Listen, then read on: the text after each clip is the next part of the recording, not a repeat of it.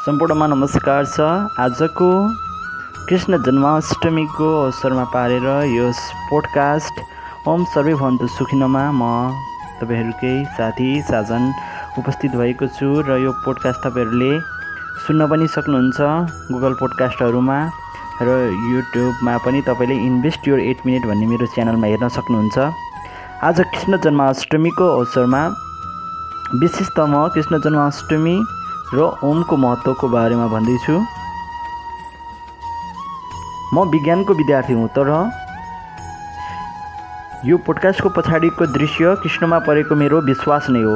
सानो छँदा पुराणमा सुनेको कृष्णका बाल लीला नै हो। साथै म पनि कृष्ण जन्माष्टमीमै जन्मेको भनेर परिवारमा प्रचार थियो जसका कारण मेरा हरेक काल अथवा बाल कार्यमा अथवा बाल मस्तिष्क कृष्णसँग तुलना गर्दा मेरो बाल मस्तिष्कमा कृष्णप्रति एउटा रस बसेको थियो।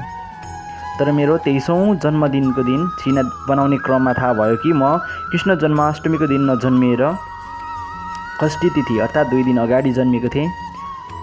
सायद त्यही भएर पनि अझै पनि मलाई कतिले कृष्ण जन्माष्टमीको दिन विस गर्छन् त कतिले दुई दिन अगाडि। तर कृष्णको प्यास बसेकाले अझै पनि मेरो आदर्श पात्र कृष्ण नै हुन्। मे मैले कृष्ण तत्त्व र प्रेम बुझ्न मेरो जीवनका बाह्र पन्ध्र वर्ष जति नै विभिन्न आध्यात्मिक संस्थामा बिताएको छु आज मैले लेख्ने लेख र यस पोडकास्टमा कुनै संस्थाको सम्बन्ध छैन। यदि कुनै त्रुटि देखिएमा त्यो मेरो व्यक्तिगत त्रुटि रहनेछ मेरो वैचारिक कमजोरीको प्रमाण रहनेछ। अब सुरुमा बुझौँ कृष्ण तत्त्व र जन्माष्टमीको रहस्य। हामीले सबैले कृष्णलाई विभिन्न तरिकाले बुझिँदै आएका छौँ तर वास्तवमा कृष्ण के हो र जन्माष्टमीको रहस्य के छ? त्यसको बारेमा बुझौँ। कृष्णको कृष्ण यो शब्द संस्कृत भाषाको क्रिस धातुबाट बन्दछ। क्रिस धातुका तिनवटा मौलिक अर्थ छन्। चर्चा गर्नु खोजी गर्नु आकर्षण गर्नु।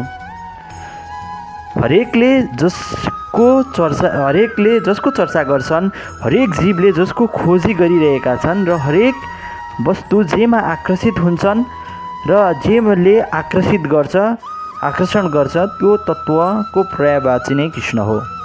सर्व आकर्षक तत्त्व नै कृष्ण हो। सबै सबैलाई आकर्षण गर्ने एक तत्त्व जे हो त्यही कृष्ण तत्त्व। आकर्षण गर्ने तत्त्व भनेकै आनन्द हो। हामी सबैलाई आकर्षित गर्ने भनेको आनन्द हो। हामी जेमा दिव्य आनन्द प्राप्त गर्दछौँ त्यहीमा आकर्षित हुन्छौँ। यो हाम्रो स्वभाव हो। हामी चाहे मानव हौँ चाहे जीव तथा वनस्पति हाम्रो खोजी आनन्द नै हो। कृष्ण त्यही आनन्दको सागर हो अर्थात् पर्यावाची हो। वेद भन्छ रसो वैसह जसको अर्थ हुन्छ परम सत्य नै आनन्द हो। अर्थात् भगवान् भन्नु नै आनन्द हो। यसलाई पुष्टि गर्दै ब्रह्म संहिताको पाँच एकमा भनिएको छ ईश्वर परम कृष्ण सचिदानन्द विग्रह अनादिरादि गोविन्द सर्व कारण कारणम त्यो ईश सर्व आकर्षक छ परम सत्य छ परम चेतना र परम आनन्द नै उसको स्वरूप हो। ऊ हिजो पनि थियो आज पनि छ र भोलि पनि रहनेछ। सबै इन्द्रिय तथा ब्रह्माण्डलाई आनन्द दिने सम्पूर्ण कारणको पनि कारण जे तत्त्व छ त्यही नै कृष्ण तत्त्व हो। त्यो परम तत्त्व सबैतिर व्याप्त छ। हामीले धेरै ठाउँमा हेरेका छौँ कृष्णलाई चाहिँ कृष्ण काले भनिन्छ होइन? कृष्णको वर्णलाई कालो रूपमा देखाइन्छ कारण कालो रङ चाहिँ सर्व आकर्षक मानिन्छ। जुन वस्तुले सबैलाई आकर्षित गर्छ त्यो कालो हुन्छ। हामीले ब्ल्याक होल भन्ने पनि हामीले अवधारणा हामीले विज्ञानमा पढेका छौँ। जसले सबैलाई आकर्षित गर्छ त्यही तत्त्व कालो हुन्छ। त्यही भएर कृष्णलाई कालो वर्णको रूपमा देखाउन खोजिएको छ जुन विज्ञान सम्मत छ। अब अष्टमीलाई बुझौँ। अष्टमी त्यस्तो तिथि हो जसलाई अङ्क आठद्वारा बुझ्न सकिन्छ। यो आठ यस्तो अङ्क हो यसका सम्पूर्ण गुणनको योग सम्पूर्ण अङ्क हुँदै चक्रिय रूपमा घुम्दछ। बुझिए होला यसलाई यसरी बुझौँ जस्तो कि आठ एकान आठ। आठ दुना सोह्र। सोह्रको एक र छ जोड्नु सात हुन्छ। आठ त्यहाँ चौबिस चार र दुई जोड्नु छ हुन्छ। आठ चौको बत्तिस तिन र दुई जोड्नु पाँच हुन्छ। यसरी हुँदै हुँदै आठ सात छ पाँच चार तिन दुई एक नौ हुँदै फेरि आठ हुन्छ र फेरि यही रूपले आठका सम्पूर्ण गुणन फलहरू एउटा चक्रिय रूपमा निरन्तर रूपमा चलिरहन्छ। अर्थात् आठको गुणन भन्नु नै आठको अन्य रूपहरू हो जुन यसरी घुमिरहन्छ। तिथि र अर्को बुझ्ने हो भने तिथिमा दुईवटा चिज हुन्छ। पक्ष र र पक्षमा पनि यसको मध्यम पक्षको पन्ध्र दिनको पग एक पक्ष हुन्छ। यसको मध्यम आठ हो। अर्थात् अष्टमी भनेको एउटा चक्रिय स्वरूप हो। सम्पूर्ण अङ्कहरूको चक्रिय स्वरूप र कृष्ण भौतिकता र अध्यात्मको मध्यमता हो। होइन? अष्टमी भनेको मध्यम हो। यही तत्त्व सबै बन्छ सबै रहन्छ। साङ्केतिक अर्थ नै अष्टमी तिथि हो। जुन तत्त्व आफू र छ मध्यमतामा आफू छ र त्यही चिज सबैमा व्याप्त हुन्छ। त्यही तत्त्व नै सबै र सबै तत्त्व नै त्यो हुन्छ। त्यसकै साङ्केतिक अर्थ अष्टमी हो।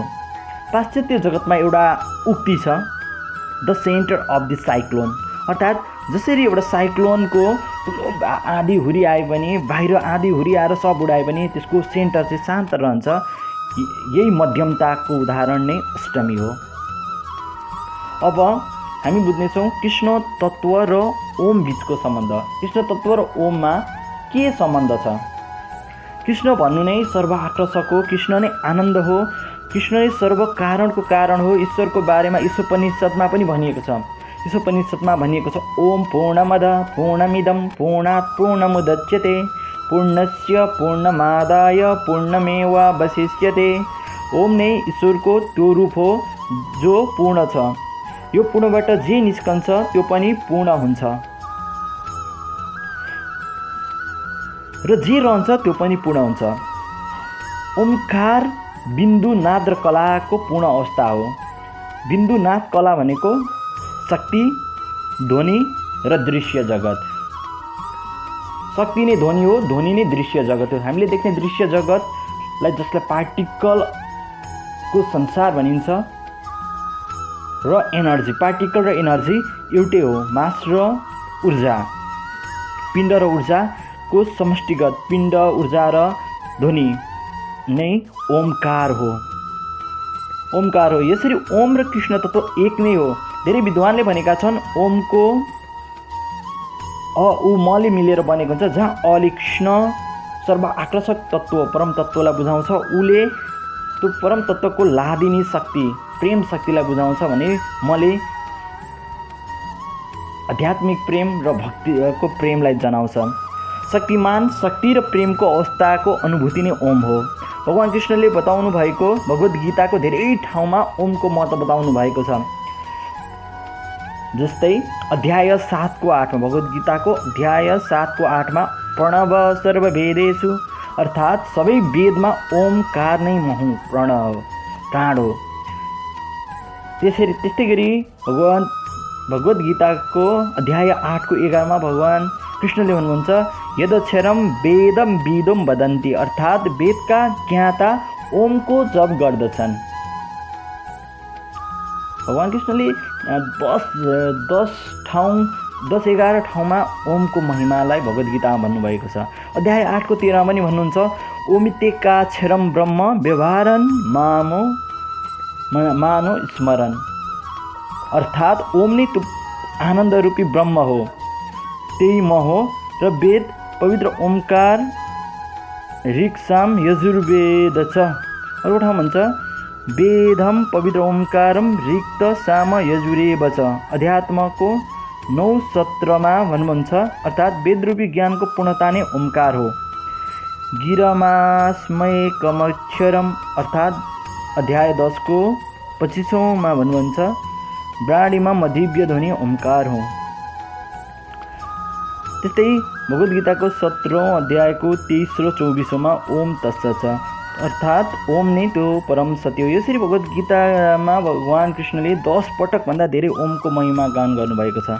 त्यति मात्र होइन ओमकार नै एकमात्र वेद हो भनेर भागवतमको एघार स्कन्दको सत्रौँ अध्यायको एघारौँ श्लोकमा भन्नुभएको छ। माण्डुको उपनिषदमा हेर्ने हो भने त झन् पुरै ओमकारको महिमा लेखिएको छ। माण्डुक्य उपनिषदको एक एक एकमा भनिएको छ ओम अविनाशी शब्द छ। यो सम्पूर्णको व्याख्या हो। त्यो सबै जो थिए जो छन् र जो भविष्यमा रहनेछन् त्यही ओम हो। जो समयको सीमाभन्दा पर छ त्यही नै ओम हो। यसरी ओम र कृष्ण तत्त्वको भावार्थ एकै हो। त्यसैले ओम भन्नु र कृष्ण भन्नु एकै हो। अब हामी बुझ्नेछौँ वैदिक शास्त्रमा कृष्णको चरित्रले देखाउने आदर्श तथा जिम्मेवारी। कृष्ण भन्ने बित्तिकै हामी धेरैको दिमागमा के बसेको हुन्छ गोपिनीहरूलाई नचाउने एउटा उशृङ्खल टाइपको एउटा पात्रको रूपमा हामीले बुझेका हुन्छौँ। तर कृष्णको कथा विशेष गरी वैदिक साहित्यमा भागवतमा र महाभारतमा पाइन्छ। हामी मध्येले कृष्णलाई कामुक मात्र तरिकाले बुझेका छौँ तर कृष्णले देखाउने चरित्रमा एउटा गुवाला कसरी रूढिवादी परम्परा र राज्य शैलीको विरुद्ध विद्रोह गर्दै राज्यमा न्याय र नीति पुर्याउन पुर्याउँछ त्यो देखाइएको छ। सबैको रक्षा गर्नु प्रेम भाव फैलाउनु वर्गीय विभेदको विरुद्ध लड्नु महिला हिंसाको विरुद्ध लड्नु सत्य न्याय र इमान्दारितालाई र प्रेमलाई चाहिँ विस्तार गर्नु आध्यात्मिक चेतनाको प्रचार गर्नु। कृष्ण चरित्रले यस्ता धेरै चिज देखाउँछ। त्यसमध्ये हामी श्रीमद् भागवतमको बेसमा केही हेर्ने हेर्नेछौँ। उहाँले के गर्नुहुन्थ्यो? एक दुई तिन भन्दै जानेछु। एक ऋषिहरू र विद्वान पाहुनाको पाउ छोएर सम्मान प्रकट गर्नुहुन्थ्यो। उहाँले ऋषिहरू विद्वान र पाहुनाको पाउ छोएर सम्मान प्रकट गर्नुहुन्थ्यो। उहाँ आफू राजा हुँदा पनि। एउटा अर्को बालबालिकासँग खेल्ने रमाउने सिकाउने गर्नुहुन्थ्यो। दुई तेस्रो सत्यवादिता उहाँलाई ब्राह्मण्य देव पनि भन्छ किन भन्दा ब्राह्मण्य देव भनेको सत्यवादिता आत्मा संयम पवित्रता इन्द्रिय नियन्त्रण सरलता व्यावहारिक व्यावहारिकता र भा भगवत चर्चा चाहिँ उहाँको के हो? गुण भएकोले उहाँलाई ब्राह्मणी देव भन्छ। उहाँ पञ्च महायज्ञ र जिम्मेवारी पुरा गर्नुहुन्थ्यो। वर्णाश्रम अनुसारको अभ्यास गर्नुहुन्थ्यो। पौराणिक कथा रामायणहरू सुन्नुहुन्थ्यो। आर्थिक विकास र आर्थिक स्वतन्त्रताको लागि काम गर्नुहुन्थ्यो र दान पनि गर्नुहुन्थ्यो। एउटा हामीले यदि उहाँलाई पात्रको रूपमा मात्र बुझ्ने हो भने पनि उहाँलाई लिएर हामी परिपक्वता जीवन र चेतनाको विकास गर्न सक्छौँ। उहाँ ध्यान गर्नुहुन्थ्यो सङ्गीतको अभ्यास गर्नुहुन्थ्यो मुरली बजाएर सम्पूर्ण मानव समाजको परम हित चिताएर काम गर्नुहुन्थ्यो। देवतालाई सन्तुष्ट पार्न विभिन्न कर्म गरेको प्रसङ्गहरू आउँछन्। कुवा निर्माण बगैँचा निर्माण भौतिक विकास सामान्य बनेर प्रजाको मनसाय बुझ्नु रूढिवादी विरुद्ध लड्नु असत्यको विरुद्ध लड्नु ज्ञान प्रेम र भक्तिको प्रचार गर्नु किसान र निमुखाको पक्षधर रहनु। यस्ता धेरै चरित्रहरू कृष्ण तत्त्व पात्रताले देखाउन खोजिएको छ। चौसठी कलाले युक्त मानिन्छ भगवान् श्रीकृष्ण। भगवान् श्रीकृष्णका दिनचर्या। हामीले केही नबुझे पनि भगवान्को कृष्ण तत्त्व पनि बुझिनौँ कृष्ण प्रेम पनि नबुझे पनि हामीले भगवान् कृष्णको दिनचर्या जुन भगवत भागवतमा छ त्यसलाई मात्र बुझ्न सक्यो भने मानव जीवन उज्जवल हुन्छ। भगवान् कृष्ण के गर्नुहुन्थ्यो ब्रह्म मुहुर्तमा उठ्नुहुन्थ्यो। अर्थात् बिहान चार बजीतिर उठ्नुहुन्थ्यो। हात त्यस पछाडि हातमुख धोएर ध्यानमा बस्नुहुन्थ्यो। त्यसपछि निर्मल जलले शुद्ध जलले स्नान गर्नुहुन्थ्यो। अनि त्यहाँ चाहिँ सन्ध्या वन्दन गर्नुहुन्थ्यो अग्नि हवन गरेर गायत्री जप गर्नुहुन्थ्यो। त्यस पछाडि सूर्य देवता तथा पितृ साथै ऋषिलाई तर्पण दिनुहुन्थ्यो। त्यस पछाडि आफ्नो कुलका वृद्ध तथा ब्राह्मणहरूको पूजन गर्नुहुन्थ्यो। त्यस पछाडि दान गर्नुहुन्थ्यो। गाई ब्राह्मण वृद्ध गुरु माङ्गलिक माङ्गलिक वस्तुहरूको स्पर्श गर्नुहुन्थ्यो त्यस पछाडि। आफ्नो सिङ्गार फुल र आफूलाई फुलमालाले सुसज्जित गर्नुहुन्थ्यो। अरूलाई आहार प्रदान गरेर मात्र आफूले आहार ग्रहण गर्नुहुन्थ्यो। सङ्गीत नृत्य इतिहास कथाको श्रवण गर्नुहुन्थ्यो र आफ्नो राज्य कार्यमा व्यस्तता गर्नुहुन्थ्यो। यो उहाँ हामीले श्रीकृष्णको दिनचर्याबाट सिक्ने चिजहरू हो। हामीले यो चिजहरू सिक्न सक्छौँ। र अब आज श्रीकृष्ण जन्माष्टमीको अवसरमा तपाईँले यो पोडकास्ट सुन्नुहुँदैछ र भक्तले पुज्ने कृष्ण प्रेम र विधिको मनोविज्ञान बुझ्नु। हामी विभिन्न सम्प्रदायमा भक्तहरूले कृष्णलाई विभिन्न तरिकाले पुज्छन् र त्यसको विधिको पछिको के मनोविज्ञान छ त्यसलाई हामी बुझ्छौँ। भक्तले प्रेमको विकास र आदान प्रदानको लागि परम सत्यलाई व्यक्तिपरक बनाउँछ। होइन? भगवान्लाई उनीहरूले व्यक्तिपरक बनाएका हुन्छन् आकृति हुन्छ भगवान्को रूप छ त्यो रूप बनाउँछ। किन? जसले गर्दा चाहिँ प्रेमको आदान प्रदान हुन सकोस्। तर त्यो त असीमित छ भगवान् त असीमित छ कृष्ण त असीमित हो। जो छ जे थियो जे रहनेछ भने सम्पूर्णता हो। सम्पूर्णतालाई एउटा यो सम्पूर्ण ब्रह्माण्डलाई चाहिँ एउटा तपाईँले देख्नुभएको होला आगो फुक्ने ढुङ्ग्री ढुङ्ग्रीबाट हालेर निकाल्यो भने ढुङ्ग्रीको जस्तो सेप छ। यो ब्रह्माण्ड त्यस्तै सेपमा हुन्छ। होइन? यसको मतलब यो ब्रह्माण्ड त्यो ढुङ्ग्रीबाट निक्लेकै सेपमा छ भन्न खोजेको होइन। यसको त असीमित छ। त्यस्तै भक्तले जुन रूपमा भगवान् कृष्णलाई बुझ्नुहुन्छ पुजिन्छ त्यो प्रेमको लागि हो। उहाँ त्यस्तै हुनुहुन्न। उहाँ त सम्पूर्ण हो। होइन? भक्तको आधार भन्नु नै गुरु साधु र शास्त्र नै हुन्। प्रेमको विकासका लागि केही नियमहरू पालन गर्नुपर्ने हुन्छ भक्तले। र जसको प्रयोजन हाम्रो चेतनालाई परम सत्यमा पुर्याउनु र दिव्य आनन्दमा रम्नु र त्यो दिव्य आनन्दको प्रचार गर्नु नै हो। प्रायः जसो भक्तहरूलाई चार नियम अनिवार्य नै हुन्छ जहाँ हिंसा नगर्ने नसा नगर्ने जुवा नखेल्ने अवैध जीवन सम्बन्ध नराख्ने यस्ता चारवटा नियम हुन्छ। त्यस्तै उसले केही आफूलाई रुल एन्ड रेगुलेसनमा पनि राख्नुपर्ने हुन्छ। गुरुको समीपमा रही साधनाको अभ्यास गर्ने जसमा कीर्तन गर्ने जप गर्ने शास्त्रको श्रवण गर्ने तथा अध्ययन गर्ने भक्तको सङ्गत गर्ने घरमा प्रार्थना गर्ने विग्रहको सेवा गर्ने पूजा गर्ने आरती गर्ने तुलसीको पूजा गर्ने सात्विक भोजन ग्रहण गर्ने।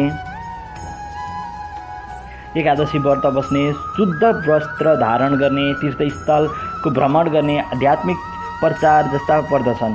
यी माथिका हरेक चिजहरू चाहिँ मनोवैज्ञानिक रूपमा हामीलाई मनलाई चाहिँ शान्त र हाम्रो सम्बन्धलाई सुमधुर र परोपकारी बनाउनको लागि काम गर्छ। अहिले विज्ञानले के देखाउँछ भन्दाखेरि यदि हामीले कीर्तन जप र शास्त्र श्रवण जस्ता चिज सङ्गीत होइन गर्छौँ भने चाहिँ यसले चाहिँ हाम्रो मनलाई चाहिँ एउटा स्थिर बनाउँछ र हाम्रो ब्रेनबाट डोपामिन एन्डोफिन अक्सिटोसिन सेरोटोनिन जस्ता एकदम हामीलाई क्लाम हामीलाई चाहिँ एकदम शान्त खुसी आनन्दित बनाउने तत्त्वहरू निक्लिन्छ। त्यति मात्र होइन। आनन्दमाइड भन्ने एउटा तत्त्व इलिमेन्ट छ केमिकल त्यो पनि निक्लिन्छ र हामी चौबिसै घन्टा परिस्थिति जस्तो भए पनि मनस्थिति हाम्रो सुन्दर रहन्छ। त्यो बनाउने काम माथिका भक्तले गर्ने क्रियाकलापबाट लाग्छ। यो झट्टै हेर्दाखेरि भक्तले गर्ने चिजहरूमा अलिक पाखण्डीपन देखिए पनि त्यस पछाडिको मनोविज्ञानले चाहिँ हामीलाई सधैँ आनन्दित र सुखी बनाउने हुन्छ। त्यति मात्र होइन हामीले जुन जप गर्छौँ कीर्तन गर्छौँ त्यसले चाहिँ र एकादशीमा व्रत गर्छौँ र तुलसी जसको धेरै अक्सिजन दिन्छ तुलसीले त्यसको समीपमा व्रत बस्ने र त्यसको मा जल चढाउने एकादशीको व्रत लिनेले चाहिँ हामीलाई चाहिँ एकादशीको व्रतले इन्टरमिडिएट फास्टिङ हुन्छ जसले क्यान्सर पनि निको हुने रिसर्चमा देखिसकेको छ। त्यस्तै इपी इपिजेनेटिक्स भनेको चाहिँ हामी हाम्रो जे जेनेटिक अनुरूप हाम्रो स्वरूप छ भने वातावरण अनुरूप त्यो जेनेटिक पनि चेन्ज हुनसक्छ त्यो यही बेसमा हामीले चाहिँ भक्तको सङ्गत गर्ने अनि प्रार्थना गर्ने सात्विक भोजन गर्ने तीर्थस्थल भ्रमण गर्ने कुराहरू एउटा भक्तलाई गराइन्छ गुरुको निर्देशनमा। जसले चाहिँ जेनेटिकलाई पनि चेन्ज गरेर आनन्दित जीवन जिउन सकियोस् र हाम्रो उमेरलाई चाहिँ हाम्रो जिनमा भएको टेलोमियर अनुरूप हाम्रो आयु कति हो भन्ने कुरा निर्धारण हुन्छ। त्यो टेलोमियर घट्दै गइरहन्छ। जब हाम्रो आयु हामी बुढो हुँदै जान्छौँ टेलोमियर घट्दै जान्छ। तर यो घट्ने क्रम ध्यान गर्नेहरूमा प्रार्थना गर्नेहरूमा जप गर्नेहरूमा एकदम कम पाइन्छ। त्यही भएर एउटा भक्तको जीवन जिउनु एकदम आवश्यक छ। जति सकिन्छ नियममा बसेर गर्नु उपयोग छ। र अब अर्को कुरा भनेको उठाउनै पर्ने धार्मिक संस्थाले कृष्ण प्रेमको सहारामा विभिन्न विकृति पनि फैलाइरहेका छन्। यो यो टपिकमा जाउँ। धेरैजसो धार्मिक संस्थाहरूले चाहिँ परोपकारको नाम दिएर परोपकार गरेको देखाएर अनि यो कृष्णलाई चाहिँ एउटा व्यक्तिवादी बनाउन खोजिरहेछ होइन? अन्य भाषी र लिङ्ग परिवेशमा भेदभाव जन्माउने काम पनि गरिरहेछ। यो नहुनुपर्ने थियो र भइ पनि रहेको छ। हामी चाहिँ यस्तोबाट बस्नुपर्ने हुन्छ। आर्थिक हिनामिनाहरू गरिरहने होइन? कुप्रचार गर्ने यो हिंसा बढाउने भेदभाव बढाउने राजनीतिको कुप्रचारको लागि कृष्णलाई जोडेर फैलाउन खोज्ने द्वन्द्व निम्ताउने हिंसा बढाउने भेदभाव जनाउने कुराहरू कृष्णलाई चाहिँ आधार मानेर विभिन्न धार्मिक संस्थाहरूले गरिरहेका हुन सक्छन् त्यो संस्था तपाईँ बसेको संस्था हुनसक्छ। म अहिले जुन आध्यात्मिक परिवेशमा मैले फलो गरेको पनि हुनसक्छ। तर यसबाट जोगिँदै यसलाई पनि सुधार गर्दै हामीले आनन्द प्राप्ति र आनन्दको प्रचार गर्नुपर्छ। अन्त्यमा जसरी फुटबल खेलेर मनोरञ्जनहरू हेरेर दान गरेर आर्थिक विकास गरेर स्वस्थ रहेर हामीले सबैले खोज्ने चाहे त्यो केटाकेटी वयस्क वृद्धले खोज्ने भनेको आनन्द हो र आनन्दकै पर्यायवाची कृष्ण हो। आनन्द भन्नु नै चेतनाको दिव्य चेतनाको अवस्था हो। र आफू पनि आनन्दित रहनु र विश्वलाई पनि आनन्दमा जोड्नु नै कृष्ण प्रेम हो। तर यो सँगै धार्मिक संस्थाहरूमा बने भेदभाव हिंसा रूढिवादी अनैतिक भावनाको विरुद्ध हामी आफै लड्नुपर्छ र यो व्यापकता कृष्ण प्रेमको व्यापकतालाई सबैतिर छर्न सक्नुपर्छ र सकौँ भन्दै सम्पूर्णमा कृष्ण जन्माष्टमीको शुभकामना व्यक्त गर्दै गर्दछु। र तपाईँको आजको दिन स्वस्थ रहोस् व्यस्त रहोस् मस्त रहोस्। हरे कृष्ण हरे कृष्ण कृष्ण कृष्ण हरे हरे हरे राम हरे राम। राम राम हरे हरे। ओम तत्सत्